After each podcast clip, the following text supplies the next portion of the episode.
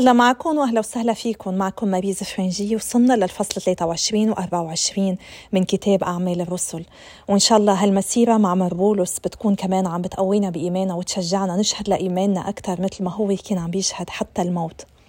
بآخر فصل قريناه سمعنا مربولوس عم بيدافع عن نفسه قدام اليهود وعم بيخبرهم عن اهتدائه اللي صار معه على طريق دمشق. والشعب كان عم يصغيله بس بعدين ما عاد بدهم يسمعوا له لما عرفوا إنه الرب داعي إنه يروح يبشر غير أمم. من بعد ما قام الشعب عليه أخذوا قائد الجنود على السكن وهونيك استجوبوا وبلشوا يجلدوه ولما عرفوا إنه روماني وقفوا معه وجلدوه باليوم الثاني انعطى له فرصة إنه يحكي قدام المجلس اليهودي. الفصل الثالث وعشرون. خطبة بولس في المجلس. فحطق بولس إلى المجلس وقال أيها الإخوة إني بكل نية حسنة سلكت سبيل الله إلى هذا اليوم. فأمر حنين عظيم الكهنة الذين بجانبه بأن يضربوه على فمه. فقال له بولس سيضربك الله أيها الحائط المكلس. أتجلس لمحاكمة بسنة الشريعة وتخالف الشريعة فتأمر بضربي؟ فقال الذين بجانبه أتشتم عظيم كهنة الله؟ قال بولس لم أدري أيها الأخوة إنه عظيم الكهنة. فقد كتب رئيس شعبك لا تقل فيه سوءا. وكان بولس يعلم أن فريقا منهم صدقي وفريقا فريسي فصاح في المجلس. أيها الإخوة أنا فريسي ابن فريسي فمن أجل رجائي في قيامة الأموات أحاكم. فما قال ذلك حتى وقع الخلاف بين الفريسيين والصدقيين وانقسم المجلس. ذلك بأن الصدقيين يقولون بأنه لا قيامة ولا ملاك ولا روح وأما الفريسيون فيقرون بها جميعا. فعلى صياح شديد وقام بعض الكتبة من فريق الفريسيين فاحتجوا بشدة قالوا لا نجد ذنبا على هذا الرجل فلربما كلمه روح أو ملاك. واشتد الخلاف فخاف قائد الألف أن يمزق بولس تمزيقا فأمر الجنود بأن ينزلوا إليه وينتزعوه من بينهم ويرجع به إلى القلعة. وفي ليلة الغد حضره الرب وقال له تشدد فكما أديت الشهادة لأمري في أورشليم فكذلك يجب أن تشهد في روما أيضا. تآمر اليهود على بولس ولما طلع الصباح دبر اليهود مؤامرة فحرموا على أنفسهم الطعام والشراب أو يقتلوا بولس. وكان الذين دبروا هذه المؤامرة أكثر من أربعين. فجاءوا إلى عظماء الكهنة والشيوخ وقالوا حرمنا على أنفسنا أشد التحريم أن نذوق شيئا أو نقتل بولس. فاعرضوا أنتم والمجلس على قائد الألف أن يحضره أمامكم بحجة أنكم تريدون الإمعان في الفحص عن أمره. أما نحن فإننا مستعدون لاغتياله قبل أن يصل إليكم. وبلغ خبر الكمين إلى ابن أخت بولس فمضى ودخل القلعة وأطلع بولس على الأمر. فدعا بولس أحد قادة الماء وقال له اذهب بهذا الفتى إلى قائد الألف فإن عنده ما يريد إطلاعه عليه. فسار به إلى قائد الألف وقال له دعاني بولس السجين وسألني أن آتيك بهذا الفتى لأن عنده ما يقوله لك. فأمسكه قائد الألف بيده وانفرد به وسأله ما عندك فتطلعني عليه؟ قال اتفق اليهود على أن يسألوك أن تحضر بولس غدا أمام المجلس بحجة الإمعان في الفحص عن أمره فلا تثق بهم لأن أكثر من أربعين رجلا منهم يكمنون له وحرموا على أنفسهم الطعام والشراب أو يغتالوه وهم الآن مستعدون ينتظرون موافقتك. فصرف قائد الألف الشاب وأوصاه قال لا تخبر أحدا بأنك كشفت لي الأمر. نقل بولس إلى قيصرية. ثم دعا قائدين من قواد الماء وقال لهما أعدا للذهاب إلى قيصرية في الساعة التاسعة من الليل مائتي جندي وسبعين فارسا ومائتين من الأعوان. وليؤتى أيضا بدوابة تحمل بولس لإيصاله سالما إلى الحاكم فيليكوس وكتب إليه برسالة هذا مضمونها من كلوديوس ليسياس إلى الحاكم المكرم فيليكوس سلام. إن اليهود قبضوا على هذا الرجل وهموا أن يقتلوه فأدركتهم بالجنود وأنقذته لأني علمت أنه روماني. وأردت أن أعرف بماذا يتهمونه فأحضرته أمام مجلسهم فتبين لي أنه يتهم بمسائل جدلية تعود إلى شريعتهم وليس هناك من تهمة تستوجب الموت أو القيود. وبلغني أن بعضهم يتآمرون على هذا الرجل فبعثت به من ساعتي إليك وأبلغت متهميه أن يرفعوا إليك دعواهم عليه. فأخذ الجنود بولس وساروا به ليلا إلى انتيباتريس وفقا للأوامر التي تلقوها وفي الغد تركوا الفرسان يواصلون السير معه ورجعوا إلى القلعة. فلما وصلوا إلى قيصرية سلموا الرساله إلى الحاكم وقدموا إليه بولس أيضا. فقرأ الحاكم الرساله وسأل من أي ولاية هو. فلما عرف أنه من قليكيا قال سأسمع منك متى حضر متهموك أيضا. ثم أمر بأن يحرس في قصر هيرودس. الفصل الأربع وعشرون. محاكمة بولس لدى فيليكوس وبعد خمسة أيام نزل حنانيا عظيم الكهنة ومعه بعض الشيوخ ومحام اسمه طرطلس فرفعوا للحاكم دعواهم على بولس. فلما دعي استهل طرطلس اتهامه بقوله ان ما ننعم به من السلام الشامل بفضلك ومن الإصلاح الذي حصلت عليه هذه الأمة بعنايتك نتلقاه يا فيليكوس المكرم بخالص الشكر من جميع الوجوه وفي كل مكان. ولكن لا أريد أن أزعجك بكثير الكلام فأرجو أن تصغي إلينا قليلا بما أنت عليه من اللطف. وجدنا هذا الرجل آفة من الآفات يثير الفتن بين اليهود كافة في العالم أجمع وأحد أئمة شيعة النصارى وقد حاول أن يدنس الهيكل فقبضنا عليه. فتستطيع إذا استجوبته عن هذه الأمور كلها أن تتبين ما نتهمه به.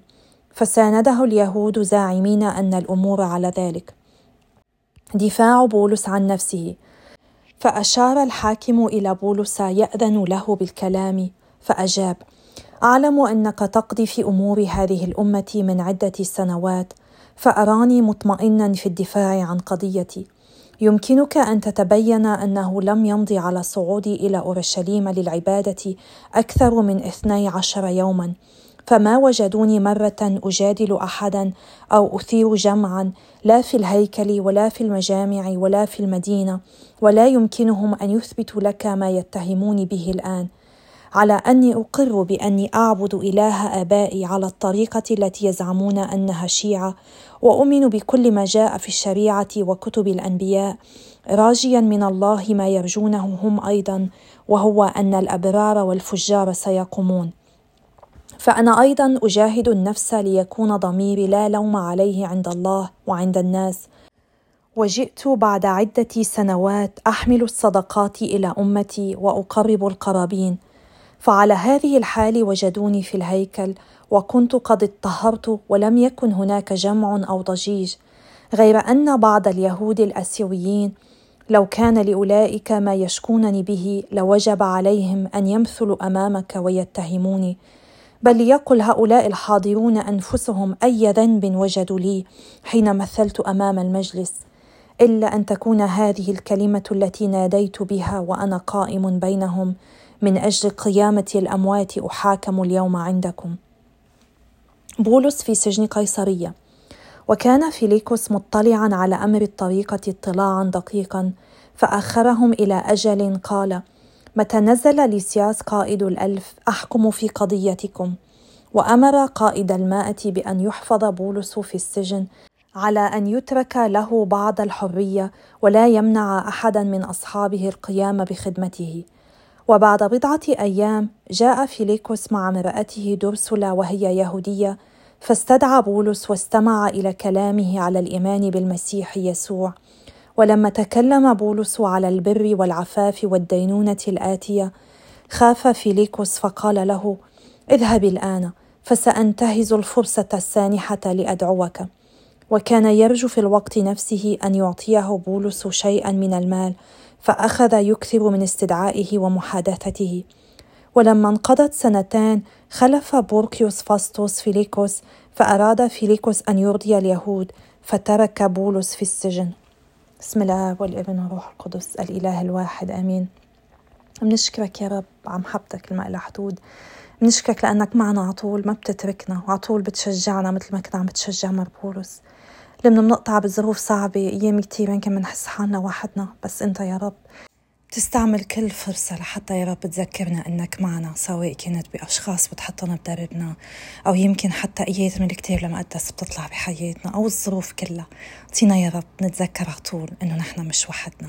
وأنت ماشي معنا هالدرب وبتعطينا القوة والنعمة اللي نحن بحاجة إلها آمين. بسم الآب والابن والروح القدس الإله الواحد. آمين. سمعنا ببداية الفصل 23 أنه لمن حنانيا أمر أنه ينضرب بولس على تمه بولس رد له بكلام قوي ضربك الله يا حائط المقبرة المطلية بالكلسي كيف تجلس لتحاكمني وفقا للشريعة ثم تخالف الشريعة فتأمر بضربي؟ ورجع اعتذر مربولوس لما عرف أنه هيدا رئيس الكهنه لأنه بالكتاب بيقول لا تشتم رئيس شعبك. وهو آه إنسان بيلتزم بالكتاب المقدس. اللي ما التزم بالتعليم المضبوط أو بالشريعة هو حنانيا لأنه خرق الشريعة اللي بنفترض أنه بولس مذنب بدون ما يحكمه وأمر بمعاقبته. ويمكن هيدا الشيء السبب أنه ما عرف مربولوس أنه هيدا هو رئيس الكهنة. قديش مهم نحن نفكر إنه لما نحن بنمثل المسيح بنقول عن حالنا مسيحيين واللي حوالينا ما بيعرفونا أننا مسيحيين ومنفشل نفرجي صورة المسيح لما ما بنعيش حسب تعاليم المسيح مثلا ما بنعيش المحبة ما بنعيش آه، مثل ما الرب عم يدعينا نعيش كل لحظة بحياتنا نهتم بغيرنا. بنكون عم نفشل بتمثيل المسيح مثل ما لازم. لازم ما نكون نحن بس هيك حاملين الاسم لازم نكون صورة عنه عكس ما كان رئيس الكهنة بهيدا المشهد هون. هو كان مفروض يمثل الشريعة قدام الشعب بس شفناه إنه خالف الشريعة. قديش بدنا نطلب من الرب ومن الروح القدس المعونة إن نقدر نشهد له على طول إن نقدر نعيش وصاياه وتعاليمه لحتى اللي ما بيعرف الرب يقدر يتعرف علينا. وما لازم نفزع لازم نتكل على الروح القدس لأنه الروح القدس بيساعدنا مثل ما شفنا هون لما مربولس آه توجه بحديثه للمجلس كان عنده سرعة بديهية. هي مثال للقوة اللي وعد فيها يسوع كل المؤمنين.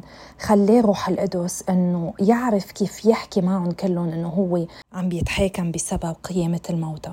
لازم نتذكر إنه الله بيعيننا على طول بنتعرض للتجارب أو للنار مشان إيماننا ولازم على طول نكون مثل بولس مستعدين نقدم شهادتنا والروح القدس هو بيعطينا القوة لحتى نحكي بجرأة وبشجاعة قرينا بعدين إنه في مؤامرة كانوا عاملينها اليهود ليقتلوا بولس وهيدي المؤامرة عرف فيها ابن أخته لبولس اللي كان صبي صغير. قديش أيام هيك ما بنعطي أهمية للصغار؟ بنعتبرهم إنه يي إذا إنه بعدهم بأول عمرهم إنه ما عندهم خبرة ما عندهم شيء يقدموه للرب. بس هيدا الشاب صغير هون لعب دور كتير مهم إنه يخلص حياة بولس ويحميه. دليل أنه ربنا قادر يستخدم أي إنسان بأي عمر بأي مركز كان إذا هيدا الشخص مستعد إنه يمشي مع الله ومستعد يعمل مثل ما الله بيريده. وإذا بتتذكروا يسوع قالنا بإنجيل القديس متى الفصل 18 الآية 2 للآية 6 قديش مهم ان نكون مثل الأطفال. البعض بيفتكر إنه الرب يسوع قصد ان نكون ببراءة الأطفال، مزبوط مهم ان نكون ببراءة الأطفال، بس في صفة أهم عند الأطفال هي الثقة، بيوثقوا بالكبار بيوثقوا بأهلهم. وهيك لازم نحن مثلهم نكون عنا ثقة ببين السماوي. ننظر له مثل كأنه نحن أطفال وهو بينا اللي سهران علينا. هو اللي بيستخدم كل الظروف لحتى من خلالها يقربنا صوبه ويساعد على خلاصنا.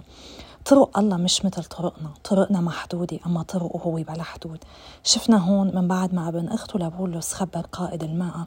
دغري قائد الماء قرر أنه يبعث بولس على قيصرية. يعني منشوف كيف الله اشتغل بطريقة عجيبة ومدهشة وممتعة من خلال هالقائد الروماني لحتى يخلص بولس من أعدائه. ما لازم أبدا نحط طرق معينة للرب لحتى يستجيب لنا حسب طريقتنا. لما بيتدخل الله هو بيخلي الأمور تصير بصورة أفضل وأوفر من اللي نحن بنتوقعه. ولازم نتذكر كلماته بسفر أشعيا الفصل 55 الآيتين 8 و 9 إن أفكاري ليست أفكاركم ولا طرقكم طرقي يقول الرب. كما تعلو السماوات عن الأرض كذلك طرقي تعلو عن طرقكم وأفكاري عن أفكاركم. يعني لازم على طول نكون عنا انفتاح على طرق الرب وكيف الرب عم يشتغل بحياتنا. ونقبل أن نمشي معه. ونقبل بإرادته. ونسعى بكل لحظة بحياتنا أن نتمم إرادته. لأنه مثل ما قلنا بآخر بودكاست لمن منعيش لنتمم إرادة الله. هيك منكون عم نمشي على درب القداسة اللي رب عم بيدعينا إلها من لحظة اللي تعمدنا فيها. بعد ما وصل مربولوس على قيصرية هونيك حطوا بالحبس فيليكوس ولمن إجوا اليهود ليشهدوا قدامه عطاه فرصة أنه يدافع عن نفسه. وانتبهنا كيف مار بولس أول ما بلش الدفاع عن نفسه قال أنه هو مطمن باله أنه عم بيقدم هالشي قدام فيليكوس اللي كان عم بيحكم بقضايا الأمة من سنين طويلة. يعني بلش بطريقة إيجابية عم بيوجه حديثه للحاكم. تعلمت شغلي أنا من كم سنة لما أخذت training لصير educator و supervisor بال Creighton Model أنه لما بينطلب مني أشياء أكثر من اللي أنا قادرة أعملها. أشياء بدها تخليني أقصر بمواقع تانية. بدل ما أنا حس بالذنب إذا بقول لا لحدا. قول أول شيء نعم وارجع أقول لا بمعنى مثلا حدا طلب منا إن نساعد بعمل آه، شيء حلو لبيكسل بس ما في وقت لنعمل. بدل ما نقول لهم دغري لا بنقول لهم ميرسي كثير إنكم فكرتوا فينا إنه فكرتوا إنه تطلبوا مني.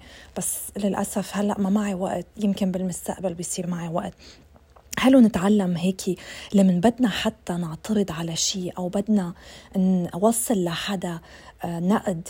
أو ننبههم على غلط إن نبلش بشيء إيجابي مثل ما عمل مربولوس لأنه هيدا الشيء بخلي الإنسان اللي قدامنا يشوف إنه نحن منا جايين هجوم عليه. إذا بتلاحظوا مربولوس بكل خطبة عم بيخطبها وبكل دفاع عم بيدافع عم بيعلمنا كتير أشياء. شو حلو نتعلم منه؟ كيف نعرف نحكي؟ كيف نعرف ندافع عن حالنا ونواجه غيرنا؟ ومش بس نتعلم منه نتعلم منه كيف نصغي لروح القدس ونخلي روح القدس هو يقودنا. مربولس قال عن حاله أنا أيضا أدرب نفسي لكي أحيا دائما بضمير نقي أمام الله والناس. شو حلو هيك يكون عنا قناعة أن نحن ماشيين بالطريق المزبوط مع ربنا؟ يكون عنا ضمير مخليينه يتكون مزبوط بنعمة الله مش ضمير ميت ومنعتبره هو ضمير نقي قدام الله والناس. مثل فيليكوس مثلا. فيليكوس كان ينبسط إنه يسمع حديثه لمار بولس مثل ما قرينا ختام الفصل 24 بس لمن وصل مار بولس يحكي عن البر وعن ضبط النفس والدينونة الآتية آه، قرر إنه خلص ما بده يسمع هالحديث لأنه يمكن كان هيدا الحديث عم بيمسه بطريقة شخصية. كونه هو كان متزوج بزوجة رجل آخر. يمكن في كتير عالم بيحبوا يناقشونا بالإنجيل. بس بهمهم إنه ما ندقرهم بحديثنا ما يحسوا بوخز الضمير ما يندقروا بصفة شخصية. ولما بيصير هالشي منلاقي أيام إنهم بيقاوموا الإنجيل أو بيهربوا منه أو بيصيروا يغيروا الحديث أو أيام بيصيروا يتهجموا كمان. لازم نتذكر إنه محور الإنجيل هو قوة الله اللي موجوده اللي بتقدر تغير حياة الإنسان. الإنجيل ما بيأثر وما بيكون فعال. إذا ما تحول من مجرد مبادئ وعقائد ومفاهيم لطريقة حياة لعمل مؤثر فعال بتغيير الحياة. لو صار وقاوم حدا شهادتنا أو هرب منا احتمال كبير إنه نحن عملنا بهالشي خلينا الإنجيل يصير رسالة شخصية له يمكن بتوعي له ضميره يمكن بتنبهه على سلوك عايش فيه بطريق غلط وبتدليه على الطريق المضبوط لازم نتذكر هيدي الجملة. أنا وإنتو وكل واحد فينا متعمد يمكن نكون الإنجيل الوحيد اللي في أشخاص رح يقروه بقدر ما مهم إن نكون متعمقين بالكتاب المقدس وقادرين نناقش غيرنا فيه. الأهم إن نعرف نكون عم نعيشه لحتى اللي عم بيشوف حياتنا يقدر من خلالها يقرأ الكتاب المقدس يقرأ الإنجيل يقرأ محبة الله يختبر محبة الله ووجود الله ومن خلالها التغيير يصير بحياته. لأنه بالنهاية مسيحيتنا هي علاقة شخصية مع الرب يسوع. الرب يسوع ما أجا يقلنا أحبوا بعضكم كما أنا أحببتكم وعطانا كل اللي عطانا إياه لأنه حابب يعطينا قوانين جديدة. لا الرب يسوع راد كل هالشي لأنه بده علاقة شخصية معنا. من هيك هو قالنا بيوحنا 15 15 لقد دعوتكم أحبائي. والتأمل بالكتاب المقدس بيقدر يساعدنا كتير لنقدر نتغير ونتعرف على الرب أكثر بمعرفة شخصية. وإن شاء الله مسيرتنا مع أعمال الرسل ونحن عم نتعرف على مربولوس أكثر مثل ما تعرفنا قبل على بطرس من خلالهم بنقدر هيك نقرب من الرب يسوع أكثر ونصير نعيش مسيحيتنا بكل ثبات وبكل أمان أكثر لحتى اللي ما بيعرف الرب يسوع من خلالنا يتعرف عليه. وبيوم من الأيام لما نوصل على السماء. كل هالأشخاص اللي ساعدنا على وصولهم على السما بيكونوا هونيك وبيلاقونا. ومنشوف ساعتها كيف خدمتنا على هالأرض وعيشنا تعاليم الله وجهادنا المستمر قدر يساعد إنه يوصل غيرنا على السما في نقطة مهمة بأول الفصل 23 كنت حابة أعلق عليها ونسيتها لمن مربولوس شتم رئيس الشعب ورجع قال إنه الكتاب بيقول لا تشتم رئيس شعبك. قديش مهم نتعلم كمان من مربولوس إنه ما نحكي عن المسؤولين عنا أبدا سواء كانوا مسؤولين دينيين أو مسؤولين مدنيين. يعني مثلا نحن بلبنان عنا طبقة سياسية فاسدة كتير وكتير أوقات بس يجتمعوا اللبنانيين. بنبلش نحكي بالسوق عن كل هال مسؤولين. قديش مهم ما نشتمهم نصلي لهم. بعرف إنه في كتير منا يمكن يقسوا من إنهم يصلوا لهم. بس ما لازم ابدا آه، إن نمشي بطريق الغلط ونزيد شر على شرهم بإننا نحكي عنهم بالعاطل. بالعكس لازم نصلي نقول الله يهديهم. إذا ما بدنا نصليهم خلينا دغري نقطش الحديث ونحوله. الله شايف والله بيحاسبهم. ما في لزوم نحن نحكي عليهم ونسبب لحالنا أي شيء غلط. ما في لزوم إن نحن نحط على ضميرنا خطية لمن نحن عم نحكي بالسوق عن غيرنا حتى لو كانت حقيقة. إذا بتتذكروا شو قلنا قبل من كم يوم بالبودكاست إنه إذا حتى لو حقيقة إذا ما بتفيدني ومنا إيجابية وما بتساعدني ومنا ضرورية لشو لأقولها؟ ما في لزوم أيام كتير مهم إننا نتركها بقلبنا ونصلي لهم وربنا هو الشايف وهو بيحاسب الكل. بتشكر إصغائكم ومتابعتكم وصلواتكم وما ننسى إنه فينا نشارك غيرنا بهالبودكاست ونساعدهم يقربوا من الرب يسوع من خلال التعرف أكثر على الرسل وحياة المسيحيين الأوائل. الله يباركنا والله يقدسنا جميعا.